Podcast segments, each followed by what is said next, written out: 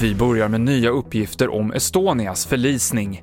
I en ny dokumentär på Dplay har man filmat vraket och upptäckt ett stort hål i skrovet på styrbordssidan, rapporterar Aftonbladet.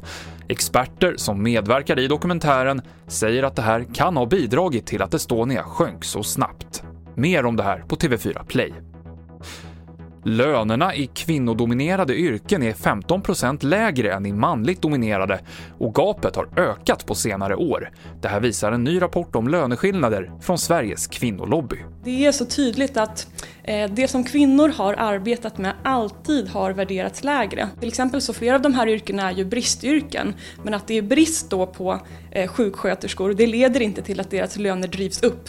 Det sa Klara Berglund på Sveriges kvinnolobby.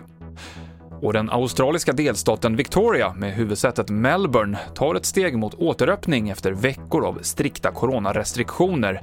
Nu får invånarna bland annat träffa varandra igen, men bara upp till 12 personer från högst två hushåll per gång. Dessutom endast utomhus och inom 5 kilometer från hemmet, det rapporterar ABC News. TV4-nyheterna med Mikael Klintevall.